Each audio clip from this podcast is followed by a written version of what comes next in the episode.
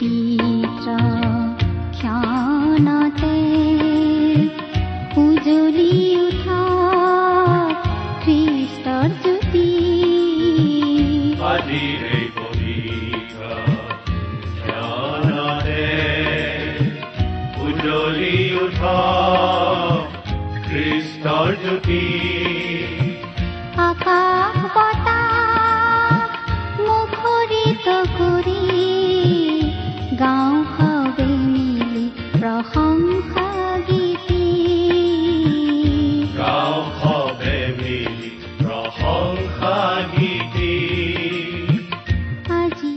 ভক্তিবচন অনুষ্ঠানৰ আজিৰ এই কাৰ্যসূচীলৈ সাদৰ সম্ভাষণেৰে আপোনাক আদৰিছো প্ৰিয় শ্ৰোতা।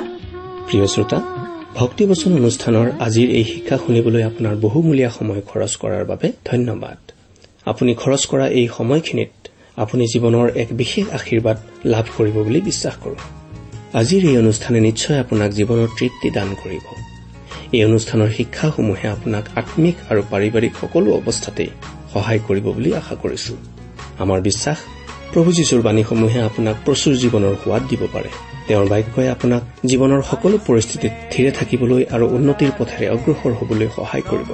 ঈশ্বৰৰ এই বাক্যৰে আপুনি যেন প্ৰতিদিন আম্মিকভাৱে অধিক বলৱান আৰু পাৰিবাৰিক শান্তিৰ জীৱন যাপন কৰিব পাৰে তাৰেই কামনা কৰিছো। এই কামনাৰে আপোনালৈ আগবঢ়াইছো বাইবেলৰ শিক্ষামূলক অনুষ্ঠান ভক্তিবচন। আহিছিলে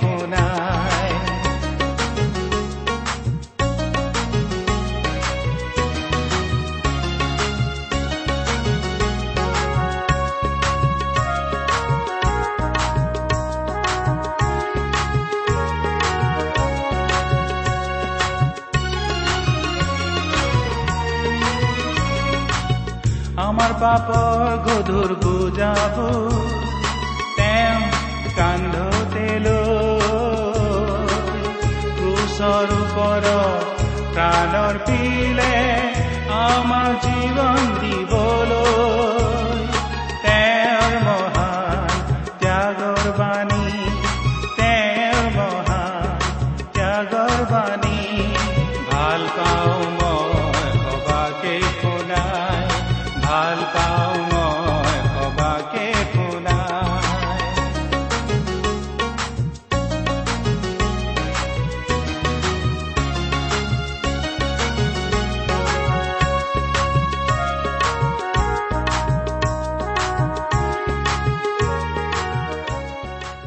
আমাৰ মহান ত্ৰাণকৰ্তা প্ৰভু যীশুখ্ৰীষ্টৰ নামত নমস্কাৰ প্ৰিয় শ্ৰোতা। আশা কৰো আপুনি ভালে কুশলে আছে। লগতে আমি এই বুলিও আশা কৰিছো যে আপুনি আমাৰ এই ভক্তিবচন অনুষ্ঠানটো নিয়মিতভাৱে শুনি আছে। আমাৰ বহুতো শ্ৰোতাই আমালৈ মাজে মাজে চিঠি পত্ৰও লিখি থাকে আৰু এই অনুষ্ঠান শুনি ভাল পোৱা বুলি আমাক জনায় আৰু সেই চিঠিবোৰে আমাক যথেষ্ট উৎসাহ যোগায়। আপুনি বাৰু আমালৈ মাজে সময়ে চিঠি পত্ৰ লিখিছেনে? অনুগ্ৰহ কৰি আজিয়ে দুখাৰিমান লিখি পঠিয়াবচোন। আহকচোন খন্তেক প্ৰাৰ্থনাত মূৰ দুৱাওঁ হওক। স্বৰ্গত থকা মৰমীয়াল পিতৃ ঈশ্বৰ তোমাক ধন্যবাদ জনাওঁ কাৰণ তোমাৰ মহান বাক্য বাইবেল শাস্ত্ৰ অধ্যয়ন কৰিবলৈ তুমি আমাক আকৌ এটা সুযোগ দান কৰিছা। তোমাক শতকোটিবাৰ ধন্যবাদ জনাওঁ কাৰণ তুমি তোমাৰ একেজাত পুত্ৰ যীশুখ্ৰীষ্টৰ জৰিয়তে আমালৈ অনন্ত জীৱনৰ আশীৰ্বাদ বিনামূল্যে আগবঢ়াইছা। এতিয়া আহা তোমাৰ বাক্য তুমিয়েই আমাক বুজাই দিয়া। আমাৰ মৰমৰ শ্ৰোতাসকলক উপচি পৰাকৈ আশীৰ্বাদ কৰা। তেওঁলোকৰ সকলো প্ৰয়োজনৰ কথা তুমিহে ভালদৰে জানা আৰু সেই সকলো তুমিয়েই পূৰণ কৰা। কিয়নো এই প্ৰাৰ্থনা আমাৰ মহান ত্ৰাণকৰ্তা প্ৰভু যীশুখ্ৰীষ্টৰ নামত আগবঢ়াইছো।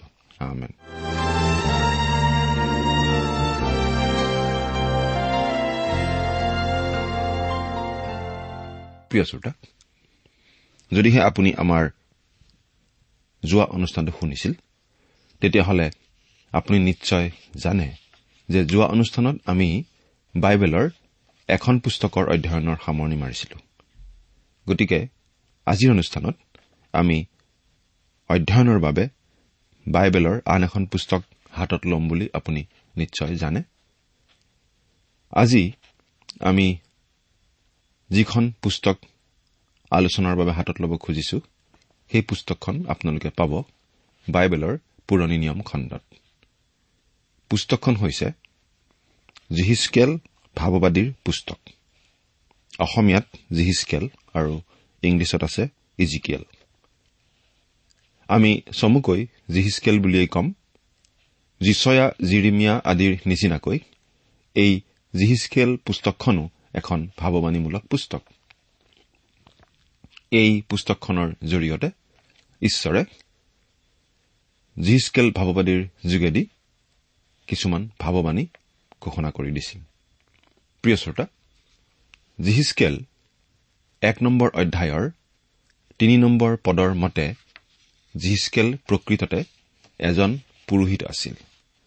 কিন্তু তেওঁৰ গোটেই জীৱনকালত তেওঁ কোনো ধৰণৰ পৌৰোহিত্য কাৰ্যত জড়িত হ'ব লগা হোৱা নাছিল। কাৰণ জিহুদাৰ জিহুৱাক্ষীণ ৰজাৰ ৰাজত্বৰ কালত বাবিলে জিহুদাৰ মানুহবিলাকক বাবিল দেশলৈ বন্দী কৰি লৈ যাওঁতে তেওঁলোকৰ লগতে জিহিচকেলো যাবলগীয়া হৈছিল। এই বিষয়ে আমি পঢ়িবলৈ পাওঁ দ্বিতীয় ৰাজাৱলী চৌবিশ নম্বৰ অধ্যায়ৰ দহ নম্বৰ পদৰ পৰা ষোল্ল নম্বৰ পদ। দ্বিতীয় ৰাজাৱলী চৌবিশ নম্বৰ অধ্যায় দহৰ পৰা ষোল্ল পদ। জিৰিমিয়া জিহিচকেল আৰু দানিয়েল। এই তিনিওগৰাকী সমসাময়িক ভাৱবাদী আছিল। জিৰিমিয়া তেতিয়া বৃদ্ধ বয়সত প্ৰৱেশ কৰি কিছুদিন জিহুদীয়া আৰু জীৱনৰ শেষ কালচোৱাত মিছৰ দেশত জিহুদী লোকৰ অৱশিষ্ট লোকসকলৰ আগত তেওঁৰ ভাৱবাণী প্ৰচাৰ কৰিছিল। আনহাতে বাবিলৰ ৰজা নবুখনেশ্বৰে বন্দী কৰি লৈ যোৱা জিহুদী মানুহবিলাকৰ লগতে দানিয়েল আৰু জিহিচকেল ভাৱবাদীও বন্দীৰূপে বাবিল দেশলৈ যাবলগীয়া হৈছিল। দানিয়েলে বাবিলৰ ৰজাৰ ৰাজ কোঠত আৰু জিহিচকেলে জিহুদীবিলাকৰ মাজত কবাৰ নদীৰ পাৰত ভাৱবাণী প্ৰচাৰ কৰিছিল। কবাৰ আছিল নদী সদৃশ ইউফ্ৰেটিছ নৈৰ পৰা কাটি উলিয়াই নিয়া এখন ডাঙৰ পানীৰ নলা। যি নলাৰে বাবিলৰ সেই খণ্ডত খেতি বাতিৰ বাবে পানীৰ যোগান ধৰা হৈছিল। বন্দী যিহুদীসকলে সেই নলাৰে কামৰ বাবে শ্ৰমিকৰূপে নিযুক্ত হৈছিল। বাইবেলত আমি পঢ়িবলৈ পাওঁ যে সেই নলাৰ পাৰতেই বন্দী যিহুদীসকলে তেওঁলোকৰ বীণাবোৰ নলাৰ পাৰৰ গছবোৰৰ ডালসমূহত ওলোমাই থৈ নিজৰ দেশ চিউনলৈ মনত পেলাই উচুপি উচুপি ক্ৰদন কৰিছিল। কিন্তু কি আচৰিত। যি সময়ত মানুহবিলাকে নিজৰ দেশৰ কথা সোঁৱৰণ কৰি উচুপি উচুপি কান্দিছিল ঠিক তেনে সময়তে জিহিচকেলে ঈশ্বৰ জিহুৱাৰ গৌৰৱৰ দৰ্শন পাইছিল। জিৰিমিয়া জিহিচকেল আৰু দানিয়েল সমসাময়িক ভাৱবাদী আছিল যদিও কোনেও কাকো লগ পাব পৰা নাছিল। দানিয়েল পুস্তকৰ বিৱৰণৰ পৰা আমি একো ইংগিত নাপাওঁ। দানিয়েলে কেতিয়াবা কবাৰ নলাৰ পাৰৰ নিজৰ মানুহখিনিৰ মাজলৈ যাব পাৰিছিল নে নাই? কিন্তু এইটো আমি জানো যে দানিয়েলে নিজৰ মানুহখিনিৰ বাবে বৰ চিন্তা কৰিছিল। যিহৰ বিষয়ে আমি বিশদভাৱে জানিবলৈ পাম যেতিয়া আমি দানিয়েল পুস্তকখন অধ্যয়ন কৰিম।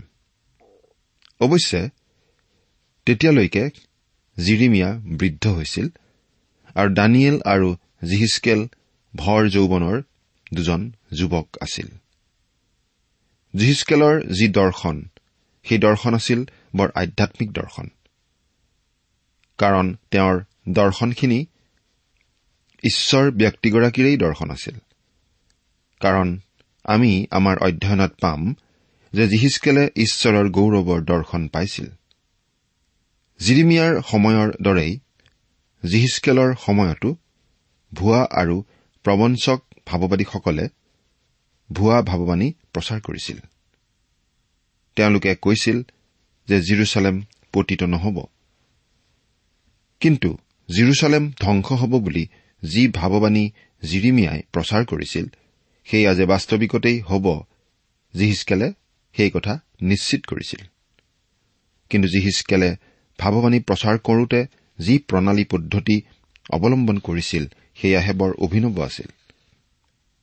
তেওঁ দৃষ্টান্তকৈ ভাৱবাণী প্ৰচাৰ কৰা নাছিল কিন্তু সেইবোৰ ব্যৱহাৰিক ব্যৱস্থাৰে হাতে কামে প্ৰদৰ্শন কৰি দেখুৱাই ভাৱবাণী প্ৰচাৰ কৰিছিল। কাৰণ আন উপায়েৰে গধুৰ কাণৰ ঈশ্বৰৰ প্ৰতি আসক্তি নথকা যিহুদী মানুহবিলাকে তেওঁৰ ভাৱবাণীলৈ কাণসাৰ নিদিব। ঈশ্বৰৰ গৌৰৱৰ দৰ্শন দেখা এই ভাৱবাদীৰ বিষয়ে অধিক কথা আমি জানিবলৈ পাম এই জিহিচকেল পুস্তকখন একাদিক্ৰমে যেতিয়া আমি অধ্যয়ন কৰি যাম। প্ৰিয় শ্ৰোতাক এই জিহিচকেল পুস্তকখনৰ এক নম্বৰ অধ্যায়ত আমি পাওঁ জিহিচকেলৰ দৰ্শনৰ জৰিয়তে ঈশ্বৰৰ গৌৰৱৰ প্ৰকাশকৰণ।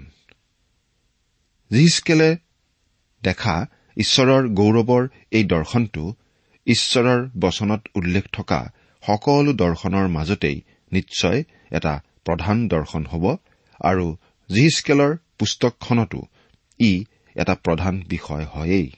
বহুতে কয় যে প্ৰকাশিত বাক্য পুস্তকখন দানিয়েল ভাৱবাদীৰ পুস্তক আৰু প্ৰভু যীশুৱে জৈতুন পৰ্বতৰ ওপৰত দিয়া শিক্ষাৰ ওপৰত নিৰ্ভৰ কৰি লিখা দৰ্শন। কিন্তু অনেকে ভাবে যে প্ৰকাশিত বাক্যৰ বহুকেইটা বিৱৰণৰ সৈতে জিহিচকেল পুস্তকখনৰো সম্বন্ধ আছে। কাৰণ জিহিচকেল এক নম্বৰ অধ্যায়টোৰ সৈতে প্ৰকাশিত বাক্য চাৰি আৰু পাঁচ নম্বৰ অধ্যায়ৰ বিৱৰণৰ যথেষ্ট মিল দেখা যায়। কিন্তু এই এক নম্বৰ অধ্যায়ত জিহিচকেলে দেখা দৰ্শনটো বৰ জটিল বিধৰ বৰ অবৈধ ধৰণৰ। আমি বিশ্বাস কৰো যে পৃথিৱীৰ কোনো লোকেই চাগে এই দৰ্শনটো ভালদৰে বুজি নাপায়। এগৰাকী বিখ্যাত পণ্ডিতে এনেদৰে কৈ গৈছে যে তেওঁ এই দৰ্শনটো একেবাৰেই বুজি নাপালে। মহা মহা পণ্ডিতসকলে বৰ সৰলভাৱে স্বীকাৰ কৰি গৈছে যে তেওঁলোকেও এই দৰ্শনৰ তাৎপৰ্য বুজি পোৱা নাই। আৰু প্ৰিয় শ্ৰোতা আপোনালোকৰ এই অযোগ্য দাসৰ নিচিনা ঘটিৰাম বাতিৰামসকলেতো আৰু বুজি পোৱাৰ কথাই নুঠে। কিন্তু এটা কথা হলে আমি আটাইয়েই বুজি পাম। আমি সকলোৱেই কম বেছি পৰিমাণে বুজি পাম যে এই দৰ্শনটো আমাৰ আজিৰ এই যন্ত্ৰৰ দৰে চলি থকা গতানুগতিক জগতৰ দৰ্শন নহয়। কিন্তু এই এক নম্বৰ অধ্যায়টোত যিটো দৰ্শন আছে সেইটো হৈছে জিহিচকেল ভাৱবাদীয়ে প্ৰভুৰ গৌৰৱৰ দৰ্শন দেখা পোৱা। যিচয়া ভাৱবাদীৰ পুস্তকত আমি ঈশ্বৰৰ সিংহাসনৰ নীতি বিধিৰ দিশটো দেখা পাওঁ। জিৰিমিয়া ভাৱবাদীৰ পুস্তকত আমি বিশেষভাৱে দেখিবলৈ পাওঁ ঈশ্বৰৰ সিংহাসনৰ ব্যৱহাৰিক দিশটোৰ কথা। ঈশ্বৰৰ সিংহাসনৰ পৰা আমাৰ জীৱনলৈ বা আমাৰ এই বৰ্তমান অৱস্থালৈ নামি অহা কিছুমান ব্যৱহাৰিক কথাৰ বিষয়ে আমি পঢ়িবলৈ পাওঁ। কিন্তু এই জিহিচকেল ভাৱবাদীৰ পুস্তকখনত ঈশ্বৰৰ সিংহাসনত আমি পাওঁ স্বয়ং ঈশ্বৰ ব্যক্তিজনকেই। সিংহাসনৰ পৰা আমি এতিয়া ঈশ্বৰৰ কথা ইয়াত পাওঁ। অৱশ্যে স্বয়ং ঈশ্বৰজনকেই বুলি কৈ কোনো শাৰীৰিক শৰীৰৰ ব্যক্তিক কোৱা হোৱা নাই। আমি ইয়াত ঈশ্বৰ ব্যক্তিজনৰ কথা কোৱা নাই। স্বয়ং ঈশ্বৰৰ দৰ্শন মানে ঈশ্বৰৰ গৌৰৱ মহিমাৰহে দৰ্শন। অৰ্থাৎ আমি যে ইয়াত ঈশ্বৰৰ দৰ্শন বুলি কৈছো তাৰ মানে ঈশ্বৰ ব্যক্তিজনক দেখাৰ কথা কোৱা নাই। ঈশ্বৰৰ দৰ্শন মানে হৈছে ঈশ্বৰৰ উপস্থিতিৰ দৰ্শন। ঈশ্বৰৰ উপস্থিতি থকা ঈশ্বৰৰ উপস্থিতি প্ৰকাশ হোৱা যি সেই বাহনখন জিহিচকেল ভাৱবাদীয়ে দেখিবলৈ পাইছিল সেই ঈশ্বৰৰ উপস্থিতিপূৰ্ণ বাহনখনৰ গতি আছিল অবিৰাম। অনবৰতেই গতি কৰি থকা সেই বাহন। কিন্তু সেই বাহনখনৰ বিৱৰণ যেতিয়া আমি চাওঁ তাত আমি দেখো যে সেই বাহনখন আছিল খালী। বাহনখনত কোনো ব্যক্তি থকা বুলি উল্লেখ কৰা হোৱা নাই। গতিকে আমি সেই বাহনখনৰ সেই দৰ্শনৰ পৰা এই কথাটো বুজি পাব পাৰো যে সেই বাহনখনত ঈশ্বৰৰ অদৃশ্য উপস্থিতিয়েহে আৰোহণ কৰিছে। ঈশ্বৰ ব্যক্তিজনৰ কোনো শাৰীৰিক অৱয়ৱ তাত দেখা পোৱা হোৱা নাই। সেই জিহিচকেলৰ দৰ্শনৰ সেই বাহনখনৰ সৈতে বেলেগে বেলেগে চাৰিটা জীৱন্ত প্ৰাণীৰ কথা আমি পাওঁ। চাৰিটা জীৱন্ত প্ৰাণীৰ বিৱৰণ জিহিচকেলে দিছে। তদুপৰি সেই বাহনখনতেই আমি দেখা পাওঁ এখন সিংহাসনো আছে। বাহনখনত এখন সিংহাসন আৰু সিংহাসনখনত এজন মানুহ। আমি যদি চমুকৈ কবলৈ যাওঁ জিহিচকেল ভাৱবাদীয়ে দৰ্শনত দেখিবলৈ পোৱা বাহনখনৰ বিৱৰণ এয়েই। বাহনখনৰ অবিৰাম গতি বাহনখন খালী বাহনখনৰ সৈতে বেলেগে বেলেগে চাৰিটা জীৱন্ত প্ৰাণী বাহনখনত এখন সিংহাসন আৰু সিংহাসনখনত এজন মানুহ। চমুকৈ থুলমূলকৈ এয়েই হৈছে জিহিচকেল ভাৱবাদীয়ে দেখা বাহনখনৰ দৰ্শনৰ বিৱৰণ। সঁচা কথা কবলৈ গ'লে বৰ দুৰ্বোধ্য আৰু জটিল বিধৰ আছিল এই দৰ্শন। জিহিচকেলে যি দেখিছিল তাকেই লিপিবদ্ধ কৰি থৈ গৈছে। যি কি নহওক এতিয়া আমি বাইবেলৰ পৰা পাঠ কৰি দিম। প্ৰিয় শ্ৰোতা আমি সদায়েই আপোনালোকক এই কথাটো সোঁৱৰাই দি আহিছো যে যিহেতু আমাৰ এই অধ্যয়ন বাইবেল অধ্যয়ন সেয়েহে এই অনুষ্ঠান শুনিবৰ সময়ত লগত বাইবেলখন লৈ ললে ভাল হয়। আপুনি বাৰু আপোনাৰ বাইবেলখন মেলি লৈছেনে? এতিয়া আমি বাইবেলৰ পৰা পাঠ কৰি দিম। জিহিচকেল ভাৱবাদীৰ পুস্তকৰ এক নম্বৰ অধ্যায়ৰ এক নম্বৰ পদটো পাঠ কৰি দিম। যদিহে লগত বাইবেল আছে অনুগ্ৰহ কৰি চাই যাব আৰু যদিহে বাইবেল নাই মন দি শুনিব। আমি ওপৰত এনেদৰে লিখা থকা পাওঁ জিহিচকেলক কাৰ্যত নিযুক্ত কৰাৰ দৰ্শন।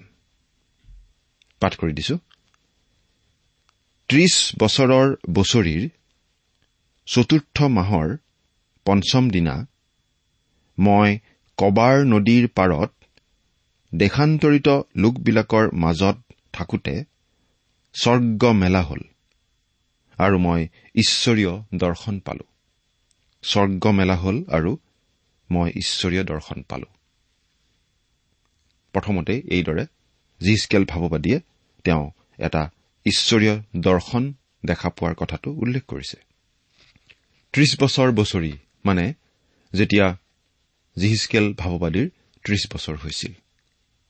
আৰু এই কবাৰ নদীটো হৈছে পানী যোগানৰ বাবে ইউফ্ৰেটিছ নদীৰ পৰা কাটি অনা এটা বৃহৎ আৰু নদী সদৃশ নলা।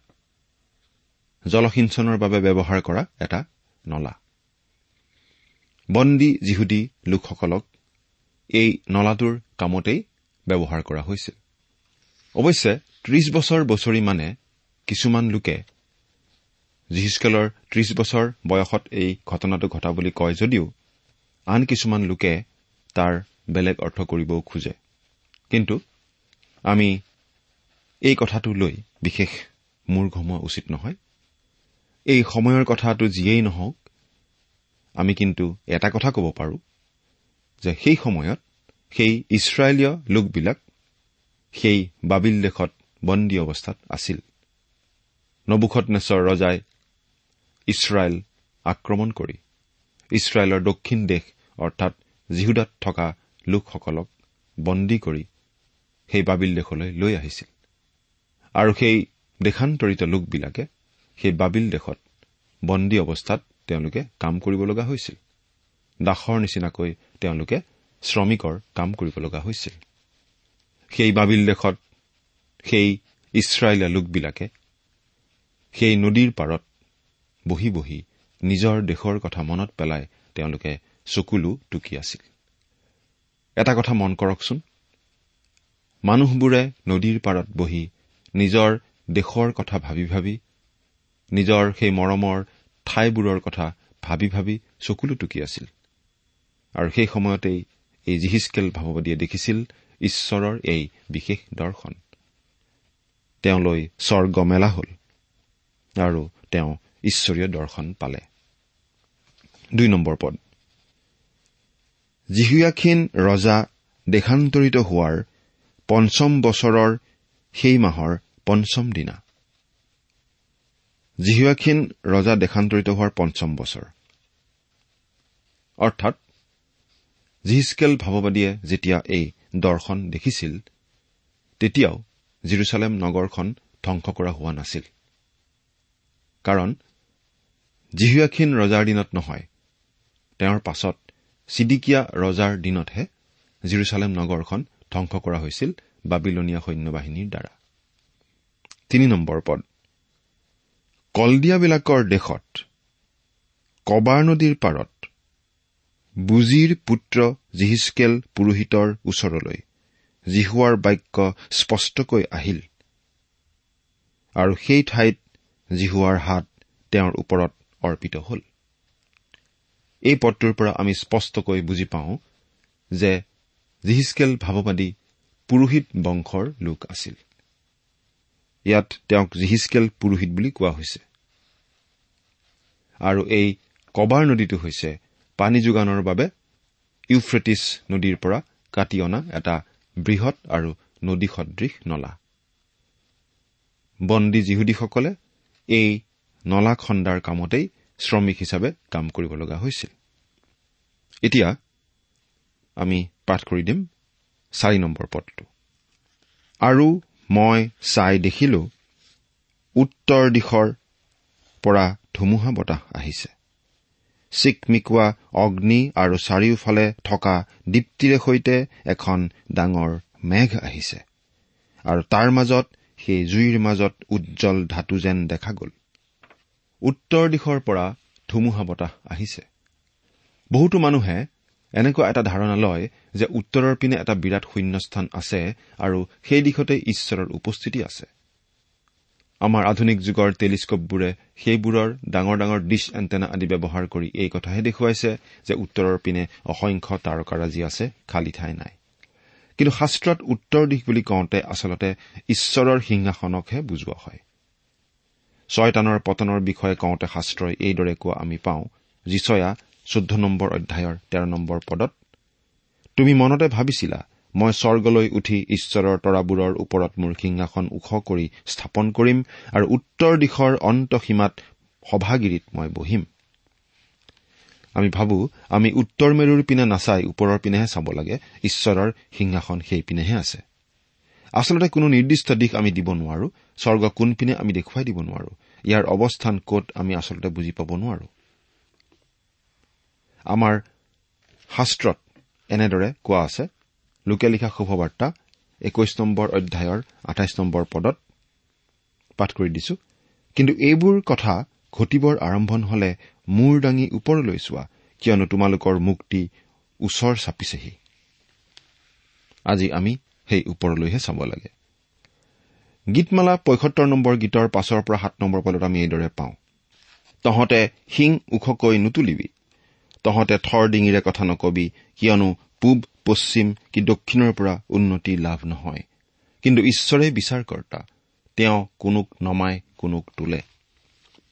ইয়াত উল্লেখ নকৰা দিশটো হৈছে উত্তৰ দিশ। আমি ভাবো ইয়াত ওপৰৰ পিনে এই ভাৱটোহে প্ৰকাশ কৰা হৈছে। ঈশ্বৰৰ সিংহাসন স্বৰ্গত আছে আনকি আমি কল্পনা কৰিব নোৱাৰা মহাশূন্যৰ সিপাৰে। গতিকে উত্তৰ দিশৰ পৰা অহা এই ধুমুহাই আচলতে ঈশ্বৰৰ সিংহাসনৰ তৰফৰ পৰা হোৱা এটা প্ৰচণ্ড গতিৰ কথাকেই বুজাইছে। ই হৈছে ঈশ্বৰৰ পৰা আহিব লগা সুধবিচাৰ আৰু চিকমিকোৱা অগ্নি আৰু চাৰিওফালে থকা দীপ্তিৰে সৈতে এখন ডাঙৰ মেঘ আহিছে আৰু তাৰ মাজত সেই জুইৰ মাজত উজ্জ্বল ধাতু যেন দেখা গ'ল। উজ্জ্বল পোহৰ। বাইবেলত কৈছে কিয়নো আমাৰ ঈশ্বৰ গ্ৰাসকাৰী অগ্নিস্বৰূপ। ইব্ৰী বাৰ অধ্যায় ঊনত্ৰিশ পদ। ঈশ্বৰ পোহৰ। পাচনি পৌলে দম্মেচকলৈ যোৱাৰ বাটত খ্ৰীষ্টক লগ পাইছিল। এটি চকু চাট মাৰি ধৰা উজ্জ্বল পোহৰ ৰূপে। এই সকলোবোৰে আমি বৰ্ণনা কৰিব নোৱাৰা ঈশ্বৰৰ উপস্থিতিৰ কথাকেই বুজায়। প্ৰিয় শ্ৰোতা সেই উজ্জ্বল পোহৰ ঈশ্বৰৰ সন্মুখত আচলতে আমি কোনো থিয় দিব নোৱাৰো কাৰণ আমি সকলো স্বভাৱতেই পাপী। একমাত্ৰ প্ৰভু যীশুত আশ্ৰয় লৈ আমি প্ৰভু যীশুৰ ধাৰ্মিকতাৰে ধাৰ্মিক বুলি গণিত হৈহে ঈশ্বৰৰ উপস্থিতিলৈ আহিব পাৰো। ঈশ্বৰ আপোনাৰ সহায় হওক। নুবুজিলা তুমি বন্ধু। প্ৰিয় শ্ৰোতা ইমান পৰে আপুনি বাইবেল শাস্ত্ৰৰ পৰা ঈশ্বৰৰ বাক্য শুনিলে। এই বিষয়ে আপোনাৰ মতামত জানিবলৈ পালে আমি নথৈ আনন্দিত হ'ম। আমি প্ৰস্তুত কৰা বাইবেল অধ্যয়নৰ চিডিসমূহ পাব বিচাৰিলে আৰু অনুষ্ঠানত প্ৰচাৰ কৰা কোনো কথা বুজিব লগা থাকিলেও আমালৈ লিখক। আমাৰ যোগাযোগৰ ঠিকনা ভক্তিবচন ট্ৰান্সৱৰ্ল্ড ৰেডিঅ' ইণ্ডিয়া ডাক বাকচ নম্বৰ সাত শূন্য গুৱাহাটী সাত আঠ এক শূন্য শূন্য এক। ঠিকনাটো আকৌ এবাৰ কৈছো ভক্তিবচন ট্ৰান্সৱৰ্ল্ড ৰেডিঅ' ইণ্ডিয়া ডাক বাকচ নম্বৰ সাত শূন্য গুৱাহাটী সাত আঠ এক শূন্য শূন্য এক। প্ৰভু যীশু আহিছিল এই পৃথিৱীলৈ। পাপী মানুহক পাপৰ পৰা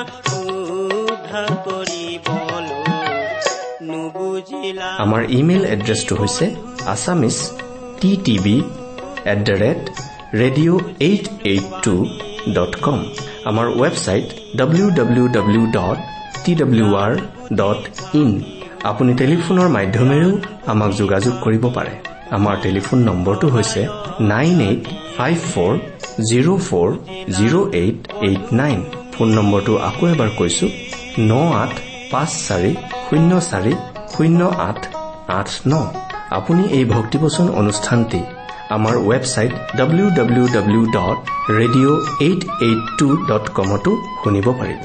আজিৰ অনুষ্ঠানটি ইমানতেই সামৰিছো। ঈশ্বৰৰ শান্তি আৰু অনুগ্ৰহ আপোনাৰ লগত থাকক। ধন্যবাদ।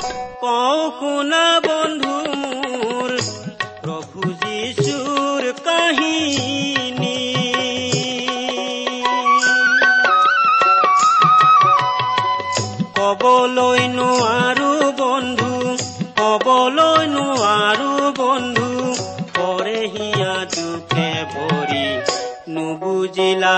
বন্ধু তুমি।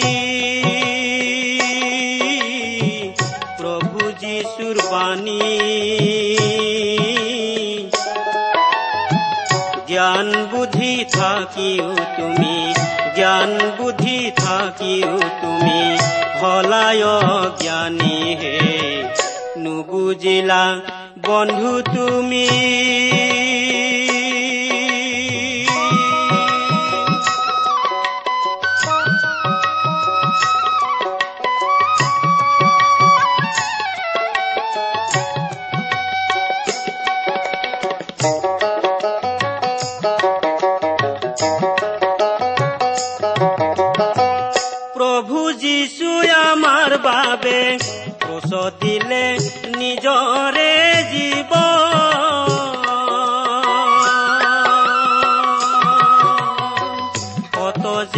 যে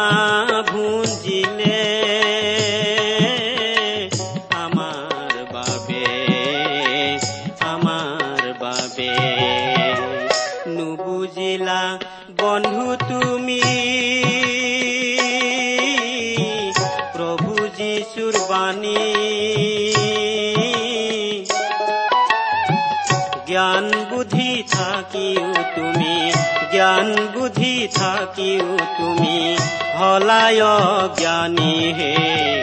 নুবুজিলা বন্ধু